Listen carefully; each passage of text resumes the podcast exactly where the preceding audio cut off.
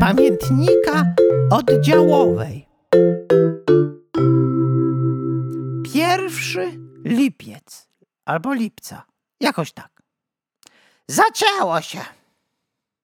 Armagedon urlopowy, czyli syf, kiła i malaria, że tak zacytuję ojca współczesnej medycyny Octanisepta. No i jakby tutaj kota łoganem nie obracać, na dyżury dalej chętnych nie ma. Ja tu się borykam, ja tu czoła stawiam, ja się gimnastykuję. Jak tak można dubsko moczyć w bałtyckich falach, wylegiwać się na piaskach, a dyżury nieobstawione? Oczywiście, na to wszystko jak sraczka na plaży wchodzi na ostro. Kontrol, czyli wielka księżna koronna z sadepidu. A że babka ma z nami na pięku jeszcze od covidów, to próbuje na wszelki sposób udowodnić, jaka jest cudowna, a my źli i niedobrzy psie krwie, juchy, niemyte tfu. No i sam pierw przyleciała bakteria nasza zakładowa epidemiologiczna.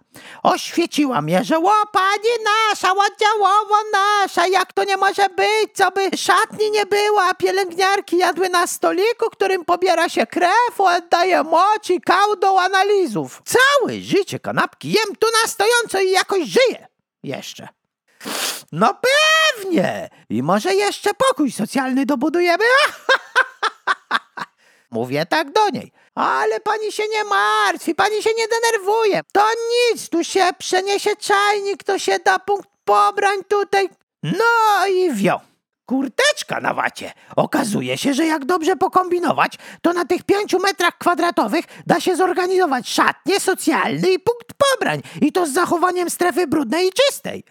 Do tej pory nie wiem jakim cudem, ale przy wielkim aplauzie samiuśkiego ordynatora naszego miłościwie nam premię przydzielającego oraz rozchodzącym się złowrogim echem po korytarzach zgrzytaniu zębów wysładniczki sanepidu jakoś to przeszło.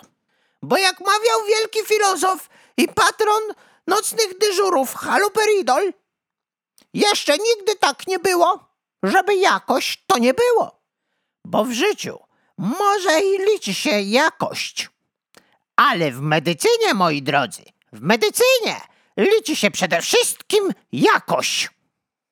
I z tym was zostawiam, duszki moje, spokojnego dyżuru.